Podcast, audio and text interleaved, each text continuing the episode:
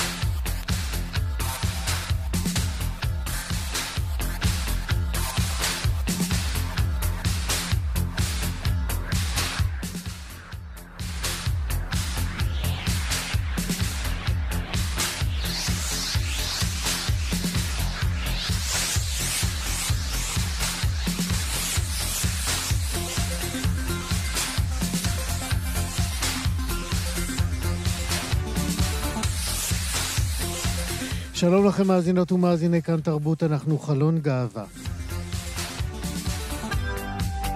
עוד מעט אה, נדבר כאן על שני סרטים, אלת המזל וחלומות של דובים. נדבר גם על הצגה חדשה, וינסנט ריבר, שמועלית בתיאטרון הפרינג' אלפא בתל אביב.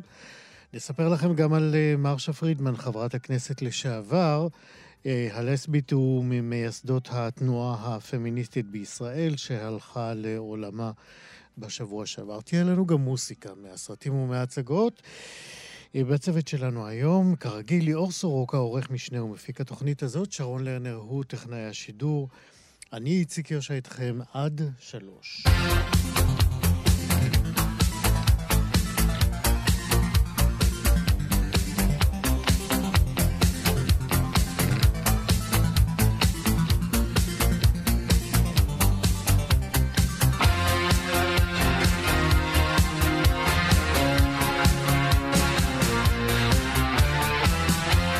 בשבוע שעבר פורסמה רשימת 24 המועמדים לשופטים ולשופטות בבית המשפט העליון. בין המועמדים, שני מועמדים להט"בים מחוץ לארון, שרון אפק, שהיה הפרקליט הצבאי הראשי והאלוף הגאה הראשון בצה"ל, וסיגל יעקבי, האפוטרופסית הכללית וכונסת הנכסים הרשמית. שהיא גם האישה הראשונה שכיהנה בתפקיד זה. יעקבי שימשה גם כממלאת מקום מנכ"ל משרד המשפטים, והייתה הלסבית הגלויה הראשונה שעמדה בראש משרד ממשלתי. המועמדים מתמודדים על ארבעה מקומות פנויים בבית המשפט העליון, והחלטת הוועדה למינוי שופטים תפורסם בעוד חודשיים.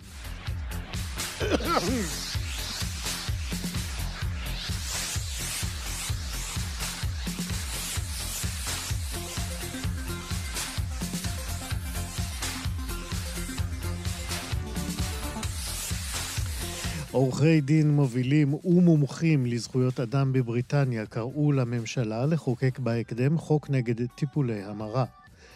בדוח של פורום עורכי הדין והמומחים שהתפרסם בשבוע שעבר נאמר כי כל הפרקטיקות, כולל תפילות שאמורות לרפא כביכול או לשנות את הנטייה המינית או המגדרית, חייבים להיות אסורות על פי חוק. בנימוקים לקריאתם הדגישו המשפטנים כי טיפולים אלה מסוכנים ומבישים ואינם ראויים להתקיים בחברה נאורה. עוד קבעו המשפטנים כי הסכמה של קורבן לטיפולים מסוג זה אינה יכולה לשמש הגנה למי שעוסק בטיפולי המרה.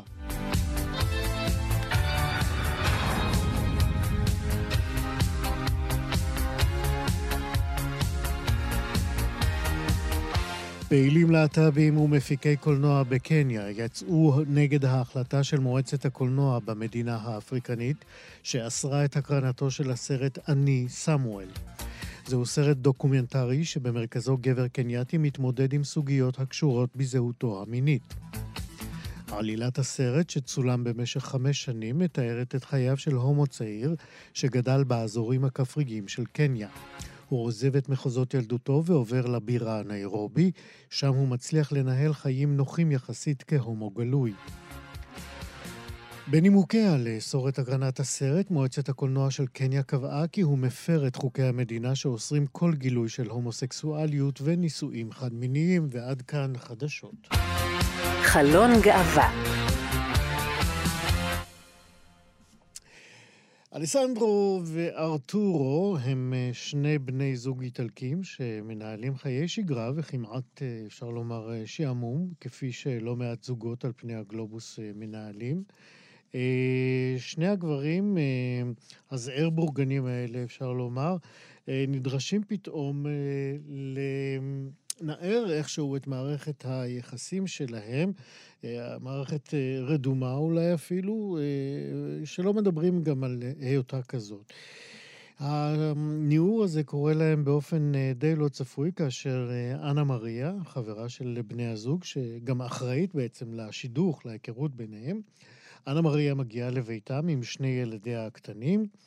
היא אמורה לעבור טיפול רפואי בעיר, בבית החולים בעיר, טיפול אה, שכרוך באשפוז לכמה ימים, ולכן היא מבקשת מבני הזוג לטפל בילדיה שעד שיושלם התהליך. אה, כניסתם של הילדים לחיי שני הגברים מתחילה אולי בעצם להרעיד את קירות הזוגיות שלהם ומאלצת אותם לסוגים שונים ברמות שונות, אפשר לומר, של חשבונות נפש אה, פנימיים אה, בתוך הזוגיות, אה, חלקם די נוקבים ומשמעותיים. זהו פחות או יותר תקציר של הסרט שאנחנו הולכים לדבר עליו, אלת המזל שעולה השבוע לאקרנים ברחבי הארץ. תומר קמרלינג הוא מבקר הקולנוע של אתר מאקו, הוא ראה את הסרט ואיתו אנחנו נדבר עליו עכשיו. שלום תומר. אהלן, מה העניינים? בסדר גמור. אולי נתחיל בשם של הסרט, אלת המזל. אלת המזל. כן. היא מופיעה בעצם בסיפור שמספר אחד הגברים, אני לא זוכר אם זה אלסנדרו או ארתורו, לביתה הקטנה של אנה מריה. כן, אלת המזל הרומית. ש, שזה מעניין כי גם אני לא היה לי מושג של במיתולוגיה הספציפית הזאת, אלת המזל לא קובעת אה, אה, אה, בעצם איזה מזל יהיה לך, אלא, אלא זה כבר תלוי בך. שזה נחמד, זה טוויסט נחמד. זאת אומרת, היא לא באה ואומרת לך יהיה מזל טוב, לך יהיה מזל רע, היא אומרת, מזל, עכשיו אתה תעשה עם זה מה שאתה רוצה. כן, זה כמעט כמו ביהדות, כאילו, הכל פתוח והרשות נתונה, או איך שקוראים לזה. בדיוק, וזה כן. מאוד מזכיר, נכון, זה מאוד מזכיר, והאמת היא שזה מעניין, כי הסרט בהחלט פורע את ה... את השטר הזה. זאת אומרת, יש כאן אה, אה, דמויות שאפשר אה, לטעון שגורלן אולי מוכתב מראש, אבל לא. בסוף זה הכל מה אתה עושה עם, ה, עם הקלפים אה, שחולקו לך. שזה מה שיגיד לך כל אסטרולוג. אה, לא יצא לי הרבה. מאמין לך, מאמין לך. אה, אבל אני, אני חושב אבל שהתמה הזאת היא משנית למה שהם, לפחות אני, הכי אהבתי בסרט הזה, ובעיניי גם איכשהו ככה עונה, עונה הכי טוב על שאלת הלמה קורה מה שקורה עם מי שקורה, כי הזוג שאתה דיברת עליו, אה, אה, הוא אמנם נמצא במרכז, אלסנדרו וארתורו הם לב הסרט, אבל הם גם מוקפים בגלריה שלמה של חברים קרובים.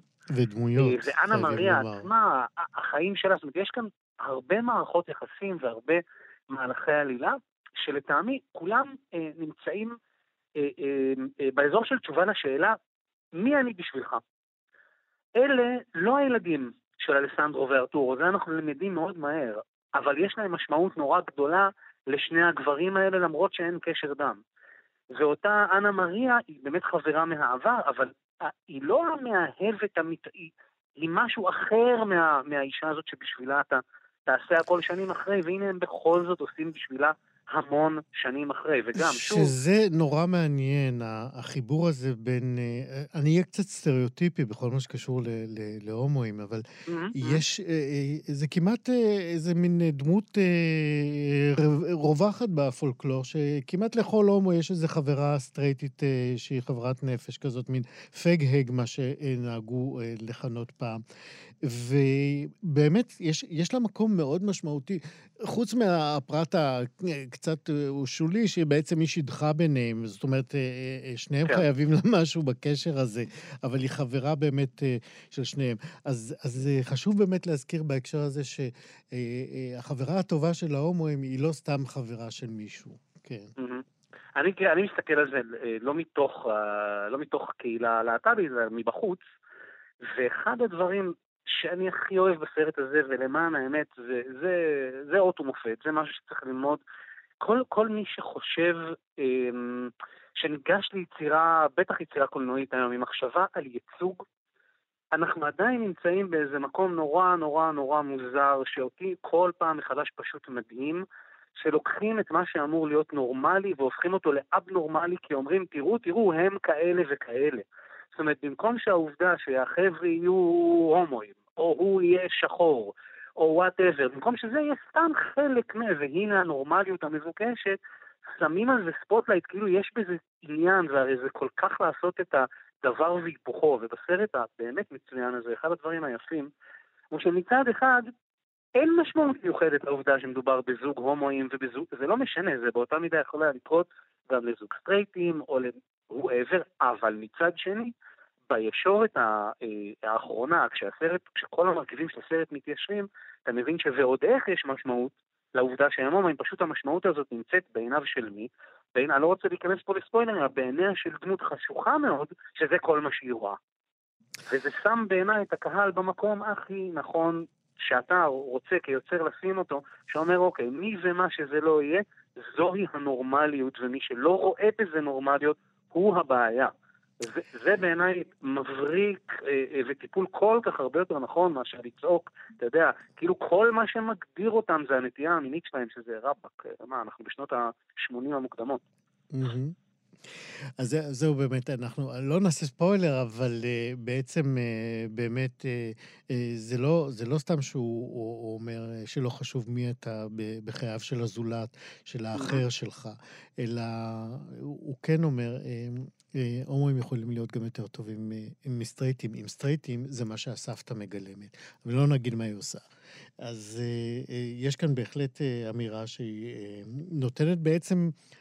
לעצם היותם זוג גברים איזשהו נופך אה, אה, אחר, וכן, אולי קצת עם אג'נדה, וזה בסדר מבחינתי, אני... אני לא, לא, מאה אחוז, כן. מתי זה בא? זה בא אחרי שסיפרו לך סיפור שלם שבו העניין הזה הוא רק חלק מהעניין, נכון. לא העניין. ושוב, זה בעיניי הייצוג במובנו, נקרא לזה נבון יותר, וה, וה, המסר אולי הנכון יותר להעביר, כן. זה שזה לא אישו, וזה אף פעם לא, אם, אם אתה בא לומר, זה לא אישו, אל תעשה מזה אישו. תעשה מזה חלק מהסיפור, וזה שוב, זה מטופל פה בצורה... אגב, באותה מידה, אני נורא אהבתי אה, בשעתו ואוהב עד היום את אור ירח מאותה סיבה בדיוק.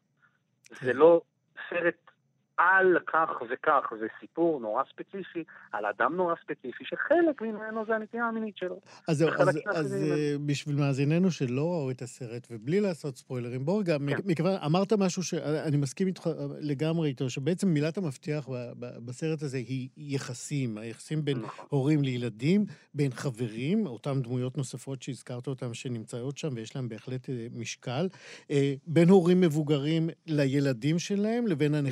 שלהם. זאת אומרת, יש שם יחסים בין-דוריים, יש שם את כל היחסים האפשריים על העומק שבהם, על המשמעות שיש לכל אחת נכון, ואחד ב... יש כאן. למשל אם ביולוגית, יש כאן כן. אם ביולוגית שהיחס שלה לילדים שלה, לא משנה, ושוב, בלי ספוילרים. שהיחס שלה לילדים שלה הוא אה, אה, איום ונורא בהשוואה לאנשים שמתייחסים לילדים שהם בכלל לא שלהם, אה, הרבה הרבה יותר טוב. אגב, גם המשבר ביחסים בין אלסנדרו וארתור, חלק ממה שנחמד בו, וגם הוא, יש לו גם ערך קומי מהבחינה הזאת, שקורה להם מה שקורה לכל זוג שנכנסים בדיוק. ילדים, רק שזה בכלל הילדים שלהם. זאת אומרת, כן. זה מין, יש פה המון אמירות נורא נורא חכמות, בדיוק על העניין הזה של ה- who am I to you. זאת אומרת, זה שרסמית אני לא אבא שלך, זה שרסמית אני לא המאהבת שלך, זה שרסמית אני אימא שלך, מה זה שווה מול מה שקורה בינינו בפועל. כאילו כל ההגדרות הן, הן לא רלוונטיות, מה שרלוונטיות זה שוב, שזה מה בעצם, אתה עושה. נכון, מה, מה שהוא עושה בעצם, הבמאי זה, הוא נותן uh, משמעות ל, ל, ל, למונח uh, uh, מבוגר משמעותי. נכון. בחייו של מישהו. לגמרי, לגמרי. כן. בואו ננסה בכל זאת קצת להתעכב על, על המקום של הילדים ב, ב, בהפכת אותה רוח שמטלטלת את קירות הזוגיות הרדומה שלהם. נזכיר שוב, הילדים האלה באים עם אנה מריה ואימם. משום שהיא צריכה לעבור איזושהי פרוצדורה רפואית בבית החולים שבעיר. היא גם לא גרה בעיר, אה, והיא... כן, היא גרה בפלסטרינה, שזה כן, רחוק מאוד, כן, היא תיירת, כן. כן, והיא מפקידה את הילדים אצל חבריה הטובים, הוותיקים, זוג הגברים האלה. מה קורה בימים האלה? יש מה שמיד אה, צף מלבד המשקעים לטוב ולרע אה, עם אותה דמות, עם אנה מריה, וכן, גם מה שהצופה לא מקבל תשובה מספיק ברורה, זאת אומרת, הוא, הוא שומע שהם לא הילדים של אף אחד משני החבר'ה האלה, אבל הוא לא מאמין. לא עד הסוף. יש סיבה טובה לא להאמין עד הסוף שזה... כן, כי נוטים שם רמזים שכאילו הם בדיוק, של לא אחד מהם. ממש ברור. עכשיו, זה, הבעיה המרכזית היא שיש פה אה, שני טיפוסים אה, מאוד שונים מבחינת ה, ה, אה, גם איך הם רואים אותה, וגם מידת האחריות שלהם, נגיד באופן אה, כללי, בכלל טיפוס שהוא יותר, נאמר, אתה יכול יותר לדמיין אותו בעל משפחה, אחד שהוא קצת יותר פרי ספיריט. ומכיוון שזה גם, שוב, אני לא רוצה לעשות ספוילרים, מכיוון שלדברים האלה יש גם ביטוי בתוך מערכת היחסים שלהם, בלי שהם עצמם בהכרח מודעים, אז כמובן שהנוכחות של הילדים, כמו תמיד, כמו באמת בחיים, נורא מקצינה דברים. אז פתאום חוסר האחריות של האחד הופך להיות עניין, וחוסר ה... אה, והמש... והפח... נקרא לזה, הנטייה הפחות משפחתית של השני מקבלת פתאום אה, אה, אקסטרה חשיבות.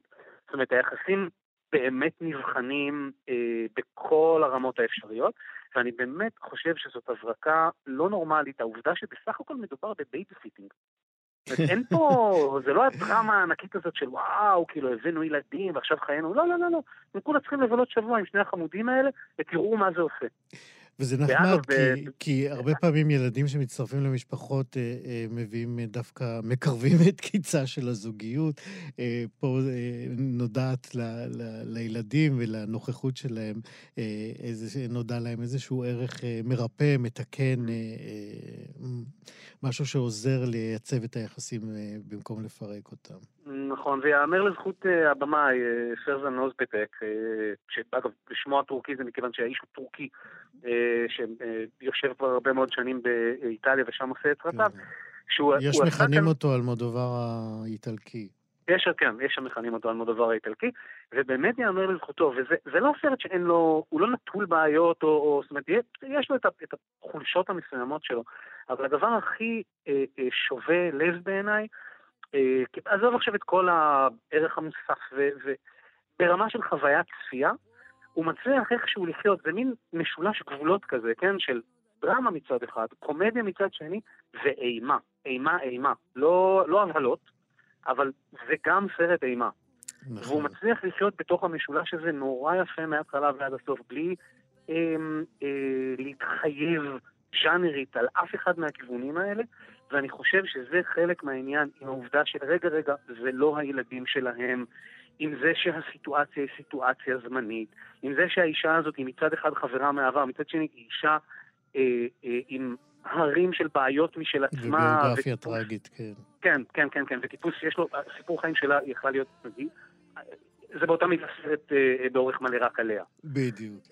ובזכות הגלריה הזאת, ובזכות התמות, ה, אה, אה, כמה וכמה התמות האלה שככה, יש ביניהם איזו חפיפה, נוצר פה משהו שהוא בראש ובראשונה לא מטיפני, ולא מציק, ולא בשום אופן לא דידקטי, כן. אלא את אותם מסרים שיש לו, בין השאר על לגבי הזוגיות הלהט"בית ולגבי הורות, כל הדברים האלה נכנסים בדלת אחורית. אתה לא מרגיש שאתה נמצא פה באיזה שיעור פרונטלי אה, אה, שמר אוזפטק אהב. לגמרי. זה קודם כל, זה פשוט הסרט. אין לי אלא להסכים אה, לדברים האלה. יש גם שיר נהדר בפסקול, Luna diamante, של נכון. מינה. ועם הצלילים האלה אנחנו ניפרד גם מהסרט וגם ממך. תומר קמרלינג, מבקר הקולנוע של מאקו, תודה שדיברת איתנו. תודה רבה. להתראות. חלון גאווה דובים, אה, למי שלא מצוי לגמרי בז'רגון אה, חלקים בקהילה הגאה, הם אה, קבוצת גברים הומואים גדולי ממדים, שנאבקים לפעמים גם בהשמנת יתר ובעיקר בסטיגמות שיש סביב מודל היופי הגברי בכלל, וההומואי בפרט, אפשר לומר. חלומות של דובים, זה שם של סרט דוקומנטרי ש... אה, התלווה אל אה, גברים, אל הגברים האלה, חלק מהם כמובן, ביומיום שלהם, במפגשים עם גברים ששוחרים את קרבתם, דווקא בגלל גודל המימדים שלהם. והסרט אה, הוא בעיקר מפנה זרקור אל ה... הרגעים הפחות אופטימיים אולי, או יותר נכון, אל המפגש עם המציאות, שלצערנו היא פחות סובלנית, פחות מעצימה, והרבה פעמים אה, מציאות אה, של בדידות. יוצרת הסרט הזה היא הבמאית אורלי בויום, והוא פתוח עכשיו בימים האלה להקרנות חוזרות באתר דוקו טיווי, ואורלי היא האורחת שלנו. עכשיו, שלום. שלום לך. מאוד. גם לנו. אני רוצה לשאול אותך, מה, מה ידעת על הקבוצה הזאת, על קבוצת הדובים, אה, לפני שיצאת אה, למלאכת אה, הצילומים של הסרט הזה? אנחנו רק נזכיר שההקרנות הראשונות של הסרט היו לפני שבע שנים. נכון. אז ככה, האמת שלא ידעתי הרבה. אני בכלל עשיתי תחקיר לסרט קצר אחר, שרצה לבדוק את מוטיב שמשון הגיבור על שערות על ראשו של גבר.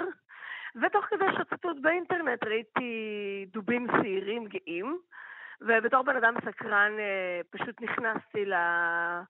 לא, התחלתי לעשות גוגל ופגשתי את פז, ובעצם אה, פז הכיר לי את כל העולם הזה, והתחלתי לעשות תחקיר, and the rest is history, גיליתי בעצם שזה התחיל מארצות הברית, ושזה הגדרה שלמה ומלאה בז'רגון רגע, אה, נלך לאט לאט, רק נאמר כן. שפז הוא אחד מגיבורי הסרט. אחד, נכון. הוא מופיע בו, והוא בעצם אה, נתן לך את המושגים, קרב אותך אל המושגים ואל המשמעויות של ההוויה הדובית הזאת בתוך הקבוצה הזאת כן. ובתוך הקהילה הגאה. לגמרי, אנחנו קבענו דייט על קפה, ואיך שראיתי בו, התאהבתי בו, אני חייבת להגיד. הוא הכניס אותי לתוך ה... קהילה אז בואי תכניסי אותנו למקומות שבהם הוא לקח אותך. אז קודם כל הוא לקח אותי למפגש קבוצת דובים, אה, ובאמת היו שם אה, כ-15 איש, זה מפגש שהוא ספציפית ארגן בבית שלו, פז גם בסרט רואים, הוא בן אדם שככה מאוד אוהב לארח. אה, אנשים באים למאורה שלו, נראה לי כמעט על בסיס יומי עד היום. אורלי, ו... את יכולה טיפה להתרחק מפומית הטלפון? כן, כן, ככה זה בסדר? יופי, כן. מעולה. אז פז בעצם אה, הפגיש אותי איתם בבית שלו, הוא עשה את אחת הארוחות, שמיותר לציין שארוחת דובית זה כמו משתה לכל דבר. אה, וככה הכרתי את החבר'ה, וגם באמת אה, התאהבתי, כי חלק מהם, אני לא יודעת, פשוט גם היה שם את ה... כל אחד הביא אוכל, וגם נורא עוזרים אחד לשני, ונורא מכילים, והייתי בהלם, אני לא, נתקל, לא נתקלתי באנשים כאלה. הלוואי עליי חברים כאלה, וככה בעצם נכנסתי לקבוצה, והתלוויתי אליהם במשך כשנתיים. עד שהתחלת צילומים. כן, כן, גם תוך כדי הצילומים אני צילמתי, זאת אומרת, מעבר לימי הצילום, אתה יודע, הרשמיים עם הצוות, אני גם אה, לקחתי את המצלמה, כי אין מה לעשות, לקח להם זמן לסמוך עליי ולקבל אותי. זה מה שרציתי לשאול, איך באמת uh, גרמת להם uh, לפתוח בפנייך את uh, הבתים שלהם, uh, בעיקר בפני המצלמה שלך? זהו, זה לקח זמן. לא הרבה, כי היה לנו קליק מיידי, uh, ואני די נחמדה. אבל באמת, בתור סטרייטית שדי ככה רזה, או איך אני אגיד את זה, הם לא הבינו איפה החיבור שלי, ו- וככה לא כל כך סמכו עליי בהתחלה. אה, ובאמת אה, לאט לאט יצרו אה, יחסי קרבה ואמון, וככה יותר ויותר נפתחו, ושילו רבדים, גם מוטי הגדול, שהוא דמות, הוא אחד בעצם מהזוג, מוטי הגדול ומוטי הקטן, לקח לו יותר זמן בוא נגיד, אה, לסמוך עליי ולהתקרב, וזה מאוד מאוד לגיטימי. גם באתי אליהם למסיבות ש... אתה יודע, אנשים לא תמיד רוצים להיחשף, מאוד חששו שאני אעשה להם אאוטינג אה, בלי רצונם, ולקח להם זמן להבין שאני כאן אה, בשביל להעצים אותם ולהראות אה, שהם... אה, שהם קיימים, שעל המפה, כי הרבה אנשים לא, לא הכירו אותם. אז בוא, בואי ננסה ככה, בזמן המועט שיש לנו, אה, לאפיין אה, אחד או שניים אה, מהגיבורים שעוברים איזשהו מסע בעצם מול המצלמה mm-hmm. שלך. אז יש לנו את פז למשל, שהוא... הקשר בינו לבין אבא שלו למשל נותק כבר שנים. ואחד החלומות שלי בסרט היה שהם יתעמתו, שהם ייפגשו, שיקרה משהו, ואבא שלו נפטר. אז בעצם היה לו גם את המסע הזה של אובדן אב, גם את המסע הבלתי נסבל הזה של להרזות ולהצליח לצאת לדייטים. זה, זה לא כזה קל. אני גם חייבת רק לציין שגם מאז הסרט, זה, זה מאוד עזר להם במישור ה... אני אקרא לזה אה, רומנטי, אבל גם בעניין הדייטים, זאת אומרת, הרבה אנשים פתאום זיהו אותם, ו... ואתה יודע, נשברה כבר החסימה הזאת הראשונית שהייתה קיימת. אה, ולגבי דניאל, זה כל המסע מול, אה, גם מול עצמו, גם מול הדמות שבתוכו, הדרג שהוא, וגם באמת אובדן הכלבה שהיא הייתה בת המשפחה האחרונה שלו. כי בסופו של דבר מה שהם רוצים זה הכרה. ואני חושבת שהגיע הזמן שיכירו את הדובים ויקבלו, במיוחד בקהילה כזאת שמקדשת את אה, אלמנט היופי והנראות אה, עוד יותר מהסטרייטים. אם אפשר להגיד את זה, ואני יודעת שהם כועסים שאני אומרת, אבל הם יודעים שאני... כהכללה, אבל זה נכון. כהכללה, אני חייבת להכליל כרגע לצורך הדיון, אבל זה נכון. ובאמת מאז הסרט יש המון מפגשים ומסיבות ואפילו תחרות היופי הדובית, והקהילה רק הולכת וצוברת תאוצה, ואני... לא רק זה, יש גם בסרט, אה, אנחנו מתוודים לזה שיש איזה מין, אה, אה, אני לא יודע אם זאת סולידריות, אבל יש אה, קשרים בינלאומיים בין אה, דובים, אה, דובי כל הארצות התאחדו. כן. אה, כן. אמ, יש, אה, על יד הדובים, צריך לומר, גם אה, מתקיימת, אה, לא, שלא יכולה שלא להתקיים, בעצם קבוצה נוספת של אנשים שלא באותם ממדים, אלא כאילו אנשים... חובבי דובים. כן, בעלי משקל כן. נגיד ממוצע, שדווקא הממדים הגדולים של אותם דובים הם אטרקציה והם נמשכים אליהם. ספרי קצת על, ה, על היחסים האלה, כמה גבות מורמות כאשר נתקלים בזוגות כאלה, כמו מוטי הגדול, נכון? נכון, כמו מוטי הגדול ומוטי הקטן, זה מה שנקרא צ'ייסרים, זה כאילו, מה שאתה מתכוון זה חובבי דובים. ובאמת המון אנשים מתפלאים. אגב, גם במסיבות שהייתי, אה, בכל מיני מועדונים, אה, באמת אתה רואה גברים ככה חטובים, אורזים או קטנים שנמשכים לדובים, ובאמת זה פחות ופחות מעורר תהייה, שזה מה שמשמח אה, אותי. זאת אומרת, בהתחלה אנשים לא, לא מבינים את זה, אבל בסופו של דבר, כל עניין של הכרה ו- ותפיסה חברתית, אני חושבת, שזה משהו שהיה לי מאוד חשוב לעסוק איתו בסרט. אה, העניין של לקבל כל אחד כמו שהוא, ושלכל אחד יש מקום, ואני חושבת שזה קורה יותר ויותר בקהילה. כן, שיש בהחלט אה, יותר, אה, כאילו הרעיון של האחרות, כן, הרעיון של האחרות והשונות, אה, הוא מונחל גם פנימה לתוך הקהילה. זאת אומרת, הקהילה לא רק מבקשת מהחברה, נאמר, ההטרונורמטיבית, נכון. לקבל את השונות שלה, אלא גם בתוך הקהילה לקבל את השונויות הפנימיות, שגם לאנשים בתוך הקהילה קשה הרבה פעמים להסכים להם, לקבל אותם, להכיל אותם. כך שזה שיעור אה, כפול אה, לבני הקהילה, פנימה והחוצה. מבחינתי לגמרי. כן.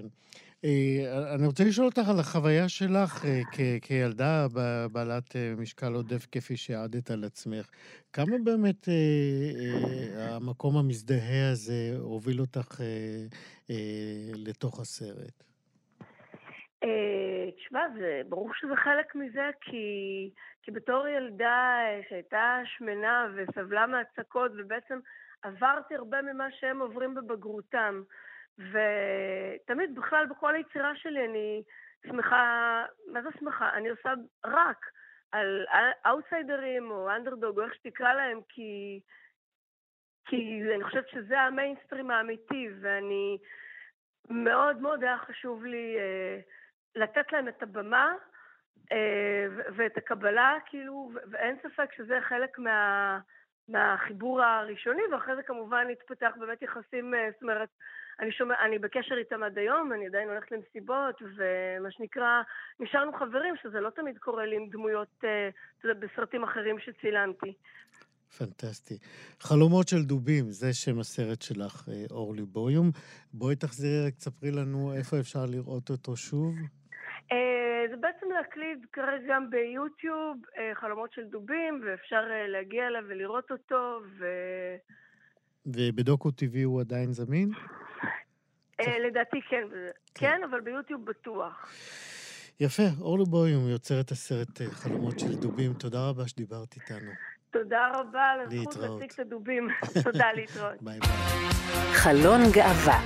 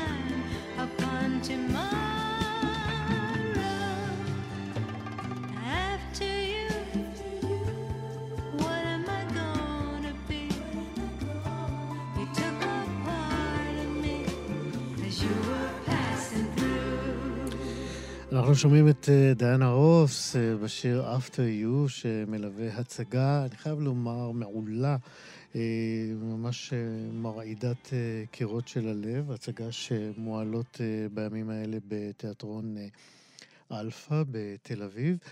אה, מדובר בהצגה וינסנט ריבר, הצגה לשניים, שכתב הבריטי פיליפ רידלי, והיא הועלתה לראשונה לפני יותר מ-20 שנה. אה, בגרסה העכשווית שלה אה, מחכבים מירב גרובר, בעיניי האלוהית, ולצידה הצעיר דניאל היילי.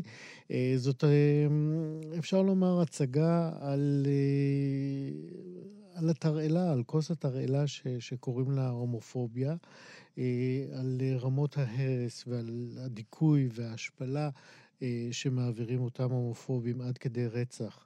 אה, זה נכתב לפני 20 שנה, אבל למרבה הכאב, משהו השתנה, אבל לא מספיק. אנחנו נזכיר שההצגה הזאת כבר הועלתה כאן לפני חמש שנים. גם אז מירב גרובר הייתה בהצגה, אבל הפעם ביים אותה, אה, אני חייב לומר, ברגישות ענקית ובתבונה ממש מרובה, השחקן והבמאי יובל כרמי, והוא האורח שלנו עכשיו. שלום, יובל. אהלן, היי, איזה פתיח. אה, שמע, הצגה נהדרת, אני... אה, כן, תודה, תודה רבה. האמת היא, באמת תגובות, אה, סך הכל הצגה שלישית, ותשמע, הקהל אה, קם בסוף ההצגה על הרגליים, מחיאות כפיים. זה מה שעשינו אה, אתמול, אני כן. הקהל. וש- ושוב ושוב ושוב הם עולים ל- לקוד קידה, אתה יודע, להשתחוויה, זה פשוט נפלא כן. לראות את זה. אז כדי שככה אני לא אכשל אה, בפרטים מיותרים, תיתן אתה את התקציר של ההצגה. אה, מדובר בעצם באניטה, אניטה ריבר, אישה בת אה, 53, אה, אם חד-הורית. אה, ל- ל- לבן שלה, שהיה בן אה, 33, אה, כנראה שהיה בארון כי היא לא ידעה. אה, עד אחרי הרצח לא, היא לא ידעה בכלל על הנטיות אה, שלו, למרות שהיא מדברת על זה שהם היו כל כך קרובים, אבל על זה הוא לא דיבר איתה.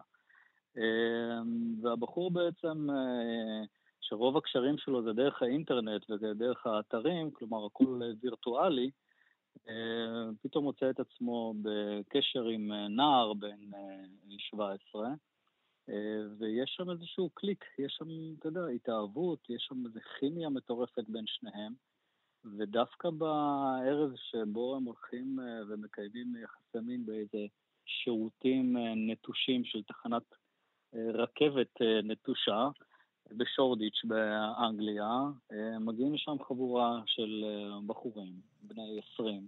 פרחחים, יש לומר. כן, פשוט, אה, אתה יודע, עבריינים, ותוקפים אותו, את ה, את וינסנט בעצם, השני, דייווי בעצם הצליח לצאת פשוט לפני. ורוצחים אותו באכזריות, יש לומר. אנחנו מדברים על שנות ה-90. צדקת כשאמרת שלא הכל השתנה. אני חושב שביום שהקהילה הגאה יפסיקו לצעוד ברחובות, וה... אתה יודע, הדיונים בכנסת בנושא הלהט"בי ייפסקו, אז נדע שגם הגיע השוויון. אה, אבל זה עדיין לא קורה, עדיין יש מאבקים ו... ו... ומלחמות, ו... והתוצאה של חוסר השוויון זה, זה פריחתה של, אה, פריחתם של גילויים הומופובים על הצורות השונות שלהם, אה, שהמופעים הקיצוניים שלהם זה באמת מקרי רצח כמו של וינסנט. כן. בוא, בוא ננסה רגע להיכנס קצת אה, לתוך הדינמיקה של אה, שתי הדמויות האלה. בעצם אה, דייווי, הבחור הצעיר שהיה בקשר עם וינסנט, שנרצח, בעצם מחפש את, את אימא שלו, את אימא של מי שהיה נכון, הבן זוג שלו. את אניטה. נכון. את אניטה, והוא מגיע אליה. היא בהתחלה לא מבינה איך הוא הגיע אליה ולמה הוא עוקב אחריה. וממש במלאכת מחשבת מתקלפת לאט, לאט, לאט, לאט האמת והתפקיד של כל אחד בחייו של האחר, אה, מבלי שהוא ידע. אה, נכון. ואתה אמרת בשיחה אחרת, נדמה לי, שאם צריך לאפיין כאילו את שניהם, אז כאילו אניטה מחפשת את האמת, היא רוצה לדעת מה קרה לבן שלה, מה קרה שם באותו ערב, ודייווי, שיודע מה קרה שם, מבקש ממנה איזשהו חסד, איזושהי גאולה, שהיא תעזור לו להיגאל מהטראומה שלו. כן, כי הוא נושא איתו בעצם את אה, רגשות האשמה, שהוא לא באמת אה, חשף מה, מה קרה. ואתה יודע, זה מתחיל באמת שהוא מחפש את הקשר איתה, מהמעקבים, כן, בלוויה, כן, ליד הקבר וכולי, גם בדירה. הקודמת שלה. המחזה בעצם אה, מתחיל בזה שהיא מגיעה לדירה החדשה שלה, אה, ממש נסה על נפשה, לקחה את מה שהיא יכלה בתוך איזה מונית ופשוט הגיעה, ישנה לילה, ו...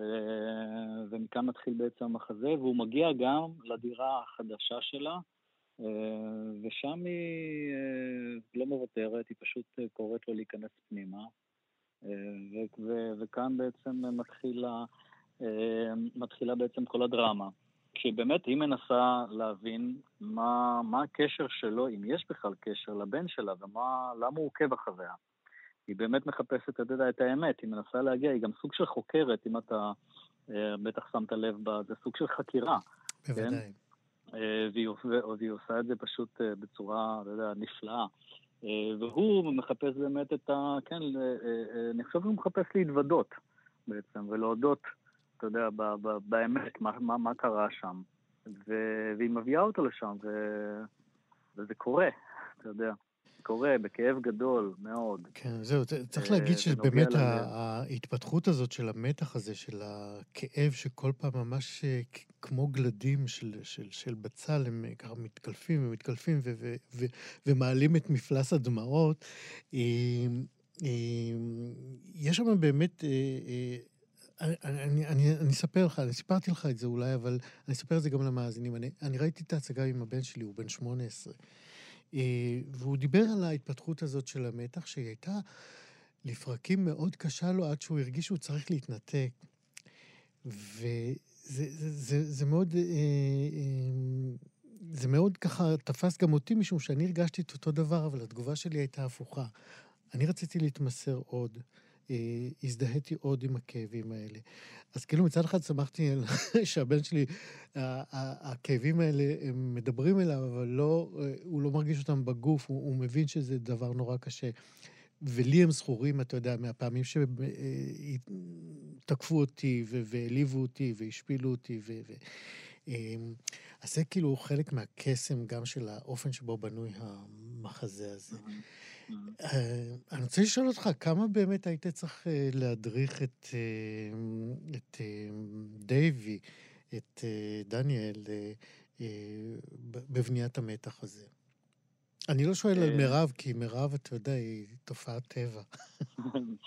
צדקת שאמרת שהיא שחקנית אלוהית, והיא מתנה לכל במאי. פשוט כיף, ממש, אה, אתה יודע, זה כיף, כיף לעבוד עם שחקנית כזאת, כי היא כל הזמן מביאה לך, אבל אני מוכרח להגיד, מדובר כאן בשני תפקידים ראשיים, ודניאל אה, הייל, שהוא בוגר טרי של האוניברסיטה, נותן לה fight, אה, והוא לא מוותר. חיפשתי אצלו אה, משהו מאוד רך, מאוד פגיע, שיאבד שליטה. שבהחלט יאבד שליטה ויתמסר לזה. אה, והוא הבין, הוא בחור מאוד אה, אינטליגנטי, הוא הבין בדיוק את כל ה... הוא יודע לפרוט על הניואנסים האלה. אה, ולכן זה עיקר, בעצם עיקר ההדרכה ש... ש... ש... שהייתה לי איתו, כי על הסף הוא מביא, אתה יודע, כישרון מאוד גדול. אה, אבל באמת כל הנימים האלה, ש, ש, אתה יודע, שרציתי שהוא ייגע ויהפוך את זה בעצם למשהו מאוד אישי, כי בינינו, אם זה לא אישי, זה אף פעם לא יעבוד. בכלל באומנות. אם זה לא Mhm. אישי, זה, זה, אתה לא פוגע. זאת אומרת, אתה יכול להיות הצייר הכי גדול שיש, אבל עוד פעם, אם זה לא אישי, אז יגידו, אוקיי, אבל הציור הזה לא נגע בי. אותו דבר כאן. אה, ולכן הם מאוד מאוד אישיים, הם כל הזמן נוגעים. אני גם שמתי לב במהלך ההצגה, אני הסתכלתי עליך, וראיתי שאתה מסתכל על מירב בזמן שהוא מדבר במונולוג. ו- גם, כן. אני חושב שהוא הוקסמת מהטוטליות שלה, כן. אה, שהיא לגמרי, אתה יודע, היא בתוך התפקיד, אתה, זה, אין שום סדק שם. אין. זה באמת אה, אחת. כן, זה הגדולה שלה. שזה הדבר המהפנט, בה ש... אתה, אתה בטוח ש... ש... שהיא-היא הדבר עצמו אה, אה, ב... ב... באותו רגע, בכל רגע, לאורך כל ההצגה. זאת אומרת, אין, אין שום רגע שהיא לא היא. אה, זאת אומרת, היא לא הדמות. אה, ואתה נסחף, נסחף אחריה. אה, אה, נכון. גם האינטראקציה, ב... זאת אומרת, גם הריאקשנים שלה, התגובות שלה אליו, אה, לא פחות מרתקות אה, נכון. בזמן שהוא נכון. מדבר. אני חושב אה, שהיא גם התגב... היא, ממש התבגרה לתוך התפקיד הזה, כי כן. אני העליתי את זה לפני אה, חמש שנים יחד איתה, עם. שחקן נפלא בשם אה, אבי מצליח. אמ, ואני חושב שהפרק זמן הזה של החמש שנים, אתה יודע, פתאום היא קיבלה יותר, אתה יודע, משקל לתוך, ה... לתוך התפקיד הזה. כן, זה- היה... כי פשוט ביימתי את זה מחדש. זאת אומרת, כן.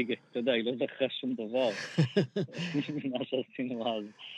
אז היה ממש לביים את זה מחדש. מצוין. יובל כרמי, אה, אנחנו, אני יכול לדבר איתך עוד שעה על ההצגה באמת הנהדרת הזאת.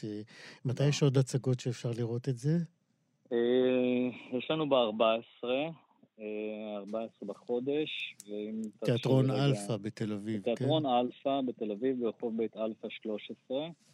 אה, בתל אביב, כן, אפשר להיכנס לאתר ולראות מתי את התאריכים. וככה, למעשה יש לנו עוד שבע, שבע הצגות, ממש. ממש אה, אה, בקרוב.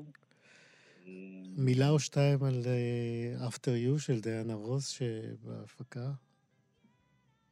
אה, תראה, זאת הייתה בחירה שלי. אה, אני חושב שהשיר הזה כל כך אה, דיבר אליי, ופשוט התאים. פשוט היה בינגו, אתה יודע, להצגה הזאת. וזהו זה. אז איתו- אז איתו אנחנו ניפרד, יובל כרמי, כן, במאי אתה רוצה שאני בכל אופן אתן את התאריכים, אז אני ככה זורק מהר. במהירות, כן. ב-14, 22, 23 ל- לאוקטובר, ואחר כך החמישי, 11, 12 ו-13 לנובמבר. תיאטרון אלפא, בית אלפא 13 בתל אביב. יובל כרמי, במאי ההצגה, וינסנט ריבר. תודה רבה מאוד. תודה רבה. תודה להתראות. חלון גאווה בשבוע שעבר אה, הלכה לעולמה חברת הכנסת לשעבר מרשה פרידמן, שהייתה ממייסדות, אה, אפשר לומר, התנועה הפמיניסטית בישראל והתנועה לשחרור האישה. היא הייתה בת אה, 83 במותה, היא הייתה חברת הכנסת הראשונה שיצאה מהארון כלסבית, זאת אומרת, היא יצאה מהארון אחרי הכהונה שלה, אבל אה, בעצם אה, נרשמה בהיסטוריה כחברת הכנסת הלסבית הראשונה.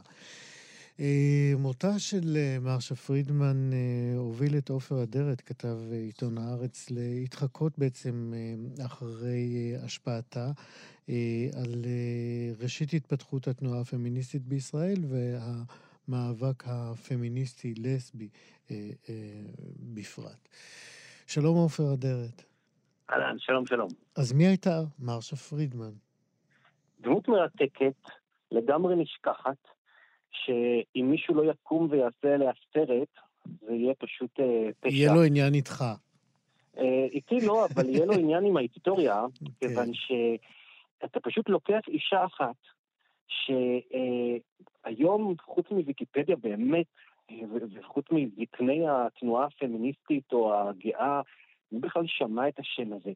ואז אתה פותח את הספר שלה, ופותח כתבות ארכיון, ואתה מגלה עולם ומלואו. אתה מגלה בן אדם שהיגר אה, לארץ מצפון אמריקה בסוף שנות ה-60, כאישה נשואה ואם לבת, בכלל לא אה, חשבה בכיוון של להיות מהפכנית פמיניסטית, עבדה באוניברסיטת אה, חיפה בתור מרצה בחוג לפילוסופיה, ואז עוברת איזשהו משבר אישי, משבר אישי משפחתי קשה, שעושה מהפך, מהפך דרמטי שלם בחיים שלה, ובעצם דרכו גם מהפך אה, באיך שהמדינה והמחוקקים התייחסו לנשים, לזכויות נשים, ואחר כך גם אה, לעובדת היותה לסבית, אבל זה כבר שלב מאוחר יותר. בשלב הראשון, אה, ב-1970 אבא שלה התאבד, מהמם. והיא לקטה בדיכאון קשה, ובמהלך הדיכאון התחילה ככה לחפש את עצמה,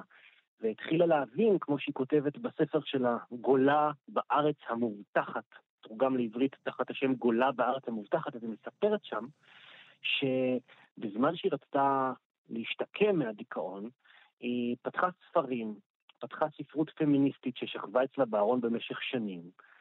קראה את גדולות אה, הוגות התנועה, וכמו שהיא כותבת, הבנתי שהוליכו אותי שולל. אמרו לי שאהבה רומנטית זה הדבר האידיאלי, שככה אני אהיה, אחיה באושר ואושר. אה, אמרו לי שאישה צריכה לשבת ולעבוד בבית ולטפל בילדים, והכל יהיה טוב ויפה, ואני ארגיש אה, סיפוק וכולי. ובעצם גיליתי שאני משועממת, שאני מדוכאת, ושבדיוק כמו שעמים אחרים וגזעים אחרים לאורך הדורות דוכאו בידי אחרים, כך אני כאישה מדוכאת בידי בעלי ובידי בעצם, ה, אה, אם תרצה, העולם הגברי כולו. הפטריארכיה, ו- כן. בדיוק, והתחילו להציף אותה כל מיני שאלות קשות. ולאט לאט היא לקחה את הנושא הזה שהטריד אותה באופן אישי, מבחינה נפשית, רגשית, ותיעלה אותו והפכה אותו לסוג של אה, תנועה מובילת דרך. דרך. היא זאת שהייתה בתחילת שנות ה-70 האישה שהקימה את התנועה הפמיניסטית בארץ. היא התחילה לכנס סביבה כמה נשים באזור חיפה, ואחר כך בעקבותן קמו נשים אחרות בירושלים, בתל אביב, והתחילו ממש תנועה שעד אז לא הייתה קיימת, והכל בזכות אותה אישה. ואז ב-73, במקרה לגמרי בגלל חברות עם אה, שולה, שולמית אלוני, שהייתה אז בתנועת רץ, אחר כך הקימה אנחנו אז זוכרים אותה תנועת כמרצ. רץ, כן. בדיוק, אז, אז, אז אה, היא במקרה לגמרי נכנסה לכנסת, כי אף אחד לא ציפה שיהיה מקום גם בשבילה. היא הייתה ברשימה רק כדי ששולה תוכל להגיד שיש לה איזה פמיניסטית אה, מחמד ברשימה. ואף אחד גם לא. האמין שהיא תקבל יותר ממנדט או שניים. אז עוד בדיוק. אפשר היה להיכנס עם מנדט או שניים לכנסת. בדיוק, ו- ואז היא, היא נכנסת לכנסת והיא הופכת להיות הקול, בקוף, של, של אנשים. היא מעלה לסדר היום נושאים שאף אחד לא דיבר עליהם, אלימות במשפחה, ואונס, וזנות, וגילו העריות, והפלות, ודברים שאנשים לא חשבו בכלל שיש להם מקום לדיון, בטח שלא בכנסת הגברית והפטריארכלית וכולי וכולי וכולי. יותר ו- מזה, חברי כנסת העליבו אותה, ש- שמה היא מתעסקת באלימות אה, בתוך המשפחה, זה עניינים תשמע, פרטיים. זה פשוט מדהים, בדיונים האלה שהיו בתחילת שנות ה-70 בכנסת, איזה דברים נשמעו היום בעידן הרשתות החברתיות, הגברים הגיבורים במרכאות האלה שבאו ובמקום לתמוך בה, הקניטו אותה והשפילו אותה. אם היום זה היה קורה, חצי כנסת הייתה מתפטרת למחרת בבוקר בעקבות מחאה, אבל אז הכל היה מותר.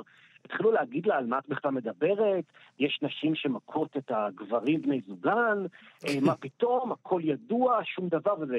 אבל היא התעקשה, והיא התעקשה, והקימו ועדות, ו- ו- והתחילו לדבר על נושאים שלא דיברו לפני זה.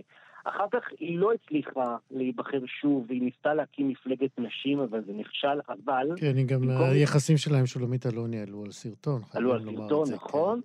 ואז במקום אה, להמשיך לפעול כמחוקקת, היא פעלה תכלס. ותכלס במקרה שלה זה אומר היא הלכה והקימה את המקלט הראשון לנשים מוכות בישראל, שהוקם בחיפה באמצע שנות ה-70, ובעקבותיו הוקמו עוד כמה וכמה יותר מעשרה מקלטים כאלה ברחבי הארץ. היא סיפרה שתוך חודש כבר לא היה מקום כי עשרות נשים מוכות התדפקו על השערים שלה. והכל היא עשתה ככה לבד. ואז לאט לאט נמאס לה מכל מה שהולך פה, עזבה את הארץ, ירדה לארצות הברית, אבל זה גם קשור למהפך הנוסף בח- בחיים שלה, שהוא אחד. הטיקטים שבגללו אנחנו מדברים פה עליה בתוכנית אה, שלך, אה, זה הנושא של הזהות והנטייה המינית שלה. אה, היא במשך אה, 40 שנה חיה עם בן זוג כאישה סטרייטית, כאמור גם אם לילדה, וחלק מכל המהפך הפמיניסטי הזה, היא התחילה לגלות, להרגיש, שהיא בעצם נמשכת לנשים. הבת שלה בדיעבד, היה לה טיעון מאוד מעניין, שיש קשר הדוק בין המהפך הפמיניסטי שלה לבין הגילוי שלה, שהיותה לסבית.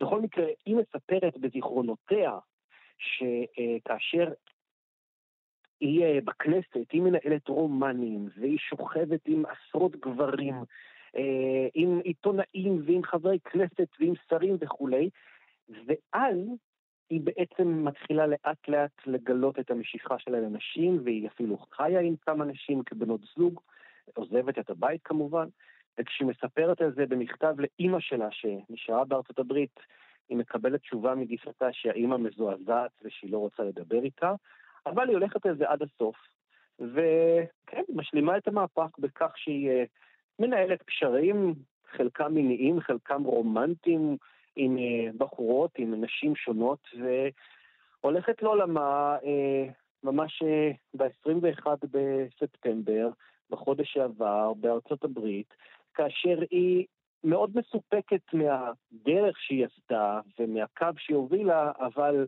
שבה ואומרת גם בשנותיה האחרונות שיש עוד דרך ארוכה ארוכה ארוכה, ואומנם יש הישגים, אבל אנחנו עוד ממש לא במקום שאליו היא רצתה להגיע. כן, וממש אה, כמעט באותו הקשר, אה, באותו יום גם מתה פמיניסטית אחרת מתחילה בארץ, אה, תחיה בת אורן בגיל 90 אה, ומשהו, אבל זה באמת נושא לשיחה אחרת.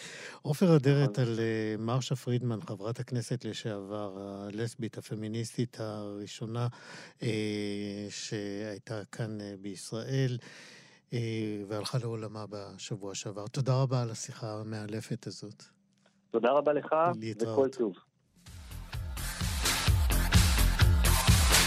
זהו, כאן אה, סיימנו את חלון גאווה להיום. תודה רבה לליאור סורוקה, עורך משנה ומפיק התוכנית. תודה לשרון לרנר, טכנאי השידור. אני איציק יושע, עם עוד חלון גאווה בשבוע הבא.